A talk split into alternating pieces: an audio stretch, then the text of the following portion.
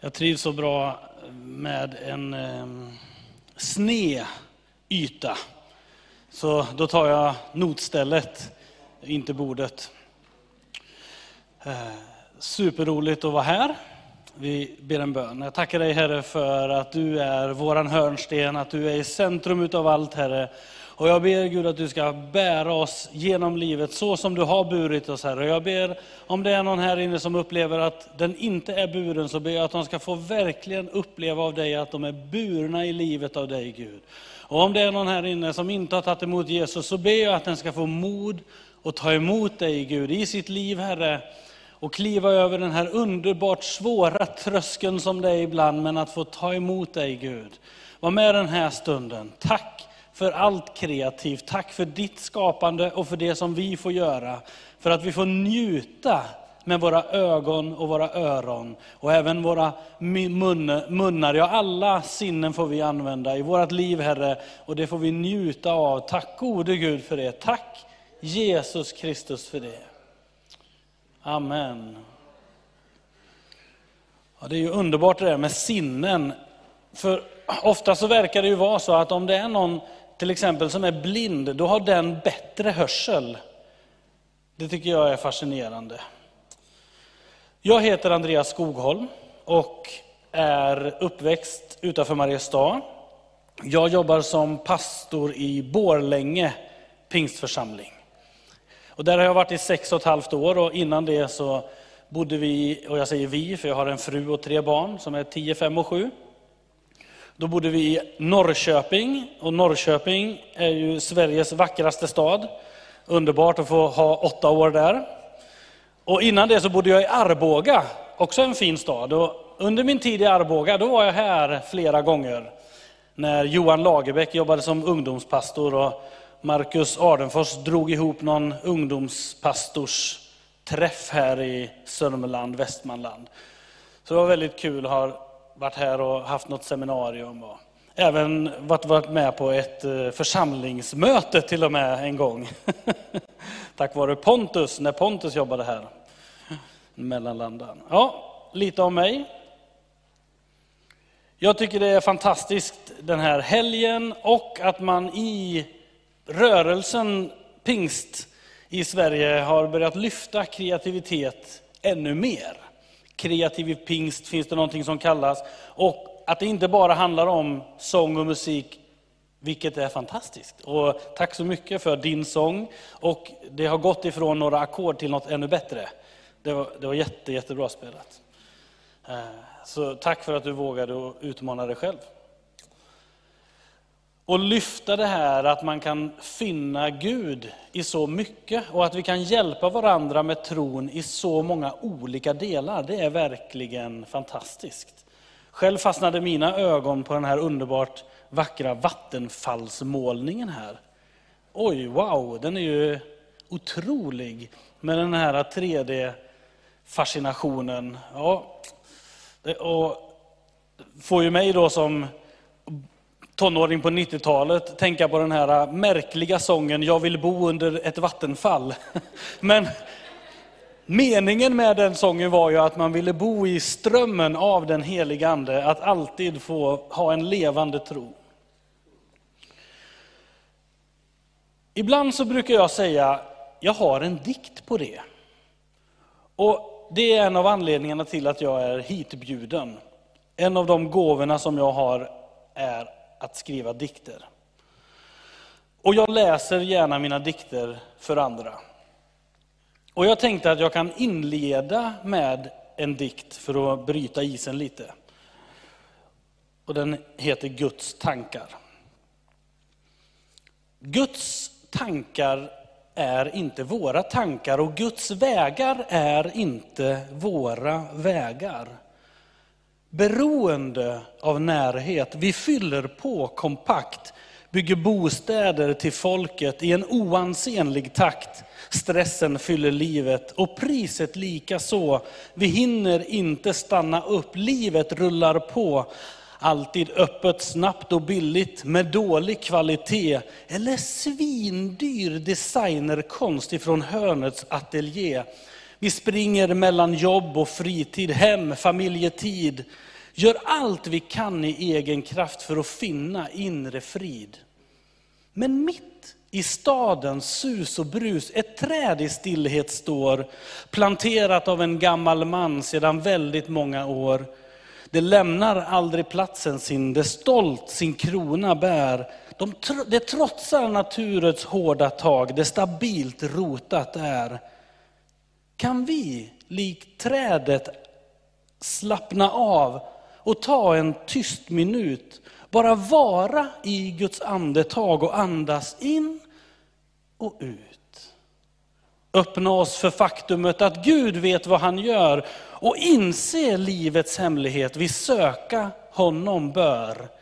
För Guds tankar är större än våra tankar och Guds vägar är större än våra vägar.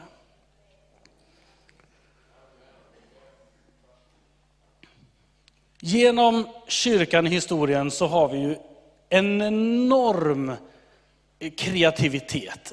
Rent konstverksmässigt så ser vi ju det i våra kyrkor som är utsmyckade, svenska kyrkor med konst direkt på väggarna. Eh, av olika mönster och kvalitet. Ibland så kan man hitta något väldigt konstigt, så att man undrar vad de, vad de menar med den här målningen. Men det har funnits med. Det visuella har varit viktigt genom historien. Och även på andra områden så har folk varit väldigt kreativa. Till exempel när Ibra radio liksom låg i startgroparna. I Sverige fick man ju inte sända radio. Det var ju bara staten som fick sända radio. Men Levi Petrus, han ville ju sända kristen radio. Och tillsammans med den välkända sångaren Einar Ekberg, som för övrigt har sålt mycket mer plattor än ehm, eh, han ifrån Borlänge, nu tappar jag hans namn här. Jussi Björling, tack så mycket för den. Ja, Einar Ekberg var, var större och han var också mer önskad i den svenska radion än Jussi Björling, det är väldigt intressant. Einar i alla fall, han var med och tillsammans med Levi Petrus köpte en båt och sände piratradio ifrån Östersjön. Det är riktigt häftigt. Och efter ett tag så insåg Sverige att vi är tvungna att släppa på monopolet så att andra aktörer också kan börja. Och då startade nästan varenda pingstförsamling i hela Sverige en närradioförening. Det är kreativitet. Och vilken kreativitet vi ser hos människor som jobbar med ungdomar. Som varenda vecka behöver hitta på något kreativt, att hur kan vi nå ungdomarna? Hur kan vi göra så att de får bättre gemenskap med varandra och bättre gemenskap med Jesus?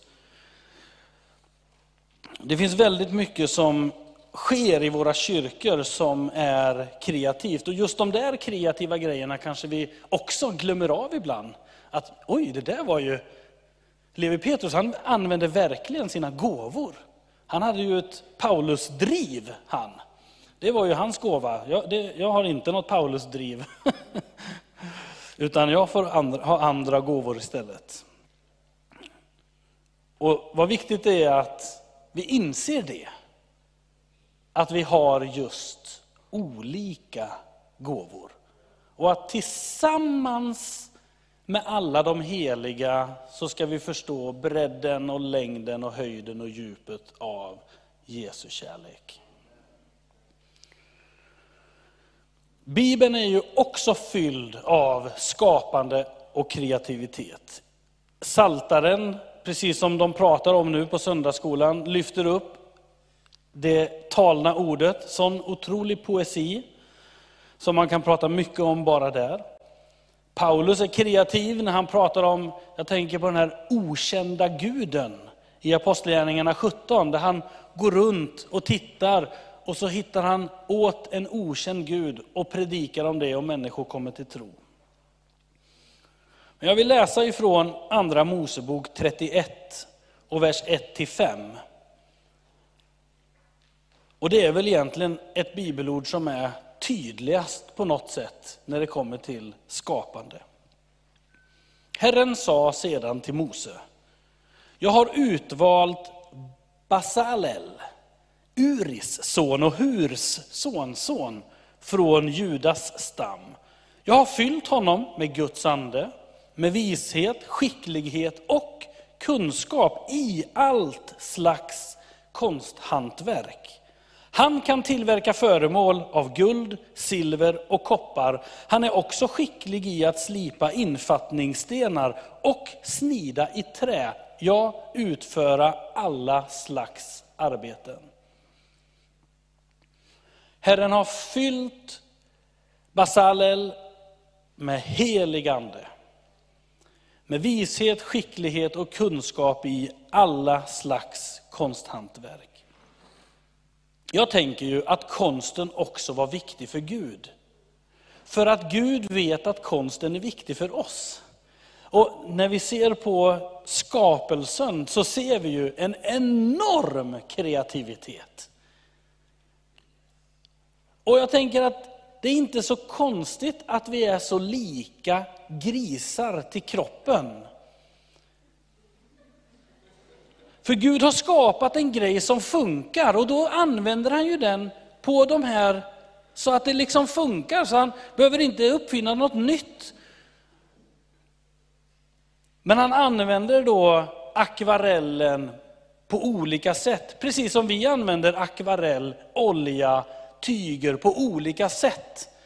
Men i grunden så är det samma material och när vi ser på skapelsen då ser vi att det är, ja, i grunden är det samma material, DNA och molekyler och atomer. Men så använder han den på olika sätt. Det verkligen är kreativt. Och i, Paul, i första Korintierbrevet 12, då pratar ju om Paulus om det här med att vi har olika gåvor. Att vi är en kropp, att vi är många delar. Och vi är olika funktioner, men har gemenskap i funktionerna. Ingen är bättre, ingen är sämre, utan tillsammans så kompletterar vi varandra i våra olika gåvor och vår olika kreativiteter. Jag har flera gåvor. Tänk, jag har fler färdigheter. Och de får jag använda i livet som helhet i dels att vara en lärjunge och berätta om evangeliet, livet med Jesus, även som medmänniska och även som pappa och make. Så behöver jag tänka, vad har jag, vad kan jag använda? Vad är det jag gillar? Och vid sidan av det så får jag också låta mig kompletteras av andra. Jag vet i och jag är också lätt rörd. Ja, så när det kommer till såna här fina, vackra saker, då börjar jag gråta. Jag brukar, bara så att man vet det. Ja. Eh, så i Norrköping så hade jag en, eh, Joakim heter han, och han var så olik mig. Och han var med i ungdomsrådet och var med, jag jobbade i Korskyrkan i Norrköping. Och han var med och var aktiv bland ungdomarna och jätteduktig på att spela piano. Men såg också hinder på ett annat sätt som inte jag gör. Han kompletterade mig så bra. Och jag verkligen valde honom för att jag visste att han har andra ögon än mig. Jag vill att du är med. Han, man skulle kunna säga att han nästan var min högra hand i ungdomsarbetet i Norrköping. Men det var fler förstås. Men det var så viktigt. Jag skulle kunna tycka att han var väldigt jobbig. För att han var väldigt olik. Och jag kunde ha en idé. Och då sa han, ja fast det där är nog inte möjligt. Och då skulle jag ju kunna välja att bli arg på honom. Men jag valde att lyssna på honom och tänka, det är sant, okej okay, men hur ska vi göra istället? Och så viktigt, så viktigt. Mina dikter då. Jag har skrivit dikter ja, mer eller mindre hela sedan tonårsperioden. Och jag skrev mycket dikter och jag skrev låttexter mycket också förr. Men sen när jag var ungefär 25, då tappade jag liksom bort mitt diktande. Det var som att jag nästan glömde av det lite. Inte så medvetet, utan det, var, ja, men det bara hände. Livet på något sätt. Jag vet inte riktigt vad det var som hände. Men sen när jag var 32, då hittade jag tillbaks och blev påmind om att åh, jag kan ju skriva dikter. Och då satt jag, då hade jag en tvivelperiod i livet. Och så satt jag på en samling med andra. Och så fick jag liksom inte ur mig det jag ville ha sagt. Alltså det var så här, åh, när det känns tomt och sånt. Och då, så här, men Andreas, du kan ju skriva dikter, var det som att det var en, nästan en röst som sa till mig. Och då, ja just det, och så skrev jag en dikt.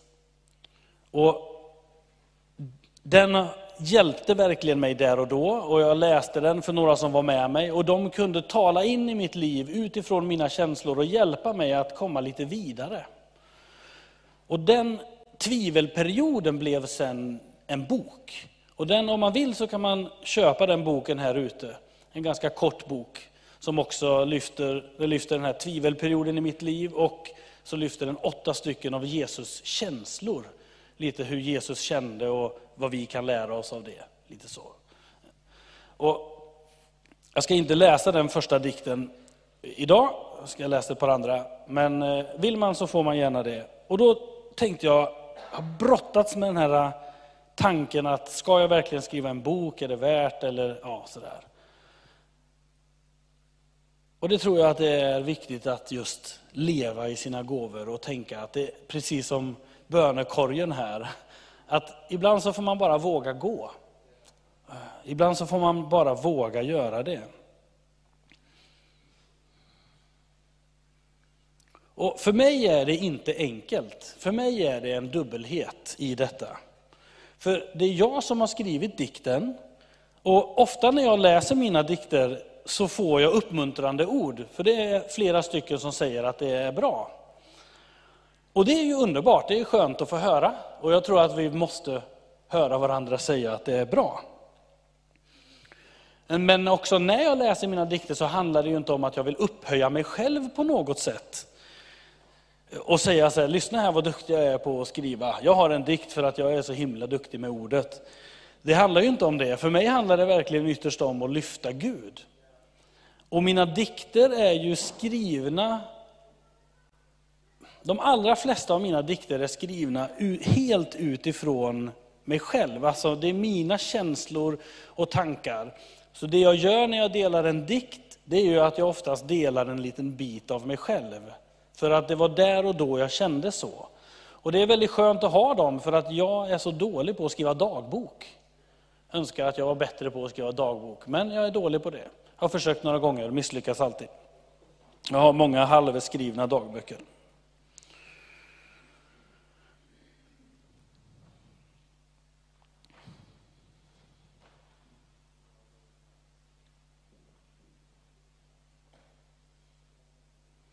Ibland kan jag också uppleva att jag får en dikt av Gud profetiskt.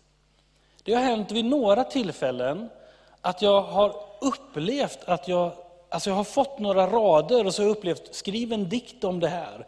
Och så har jag fått skriva en dikt och sen så har jag fått ge det till en annan människa. Som Gud har talat till genom dikten. Det är ju häftigt. Och fått vid två tillfällen så har jag fått frågan att skriva till döda människor en dikt som ska läsas upp på begravningen, och vilket har varit till stor välsignelse. Inte för att jag är bra, utan för att jag har fått en gåva. Jag har en dikt på det förresten. Just det. Ja.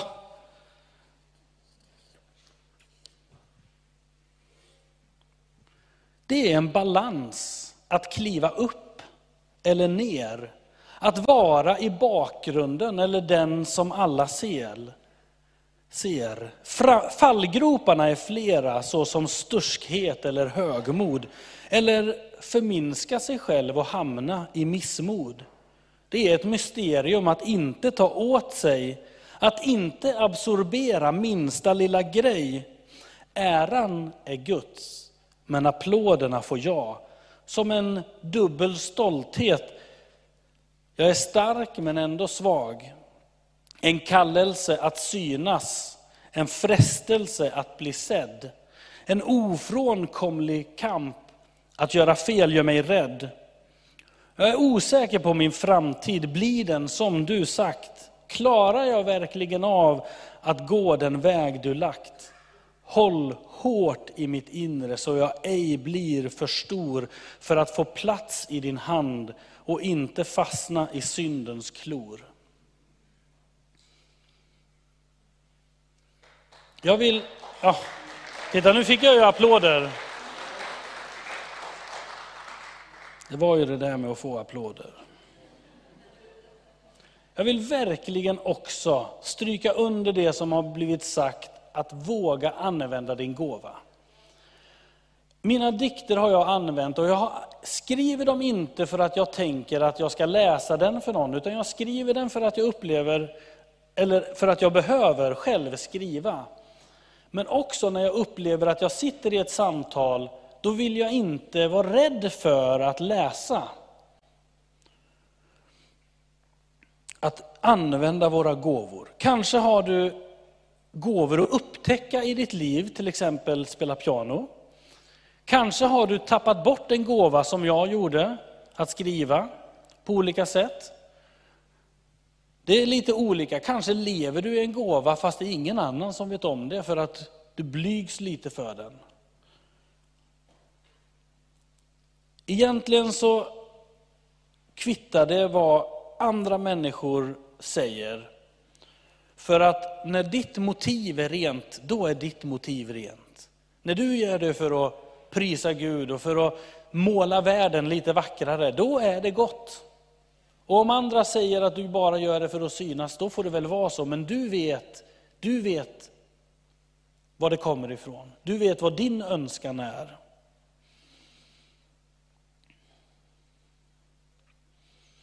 Vi vill ju hylla Jesus, vi vill ju lyfta fram Jesus, vi vill tillbe Jesus, vi vill leda människor till ett liv med Jesus.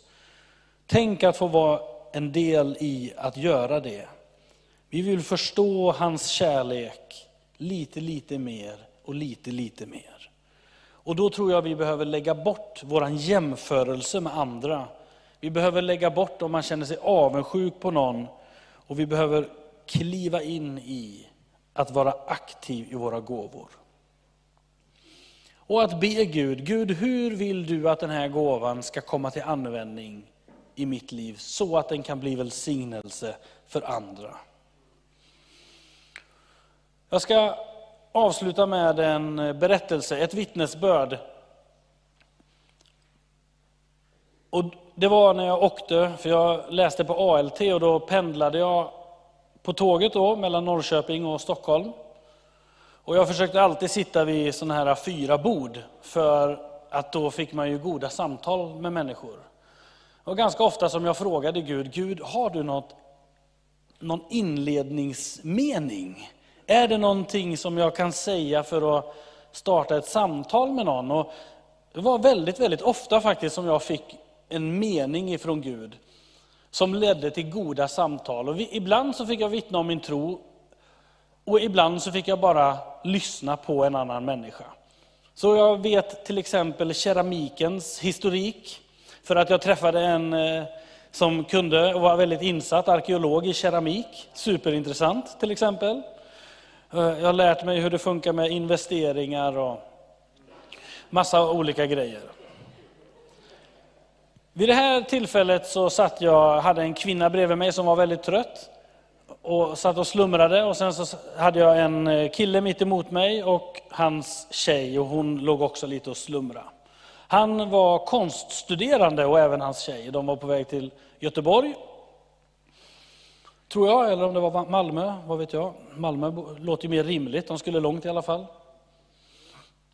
Och vi började prata. Och det var ju jätteroligt att prata, prata konst. Och jag berättade, ja, jag skriver lite dikter. Så här, ja, vad kul. Så här. Och så pratade vi och så kom vi in på tron och vi pratade så lite fram och tillbaka.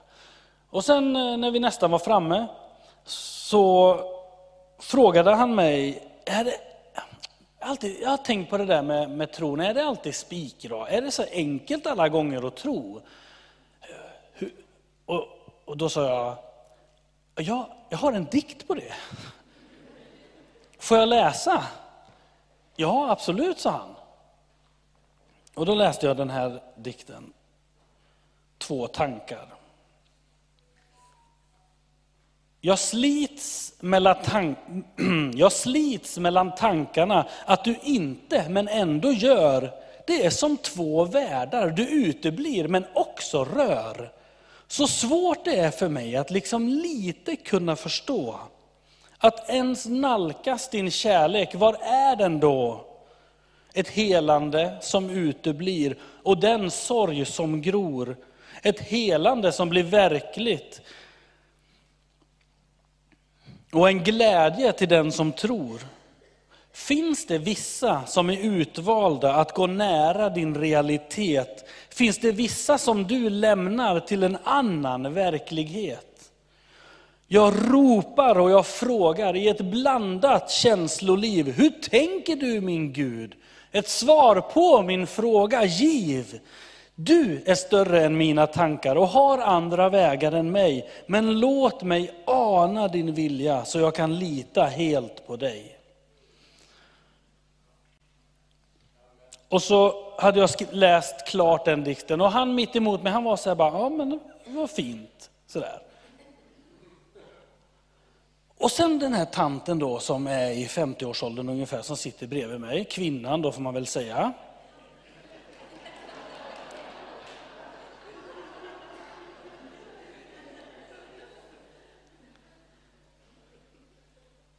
Då vaknar hon till liv.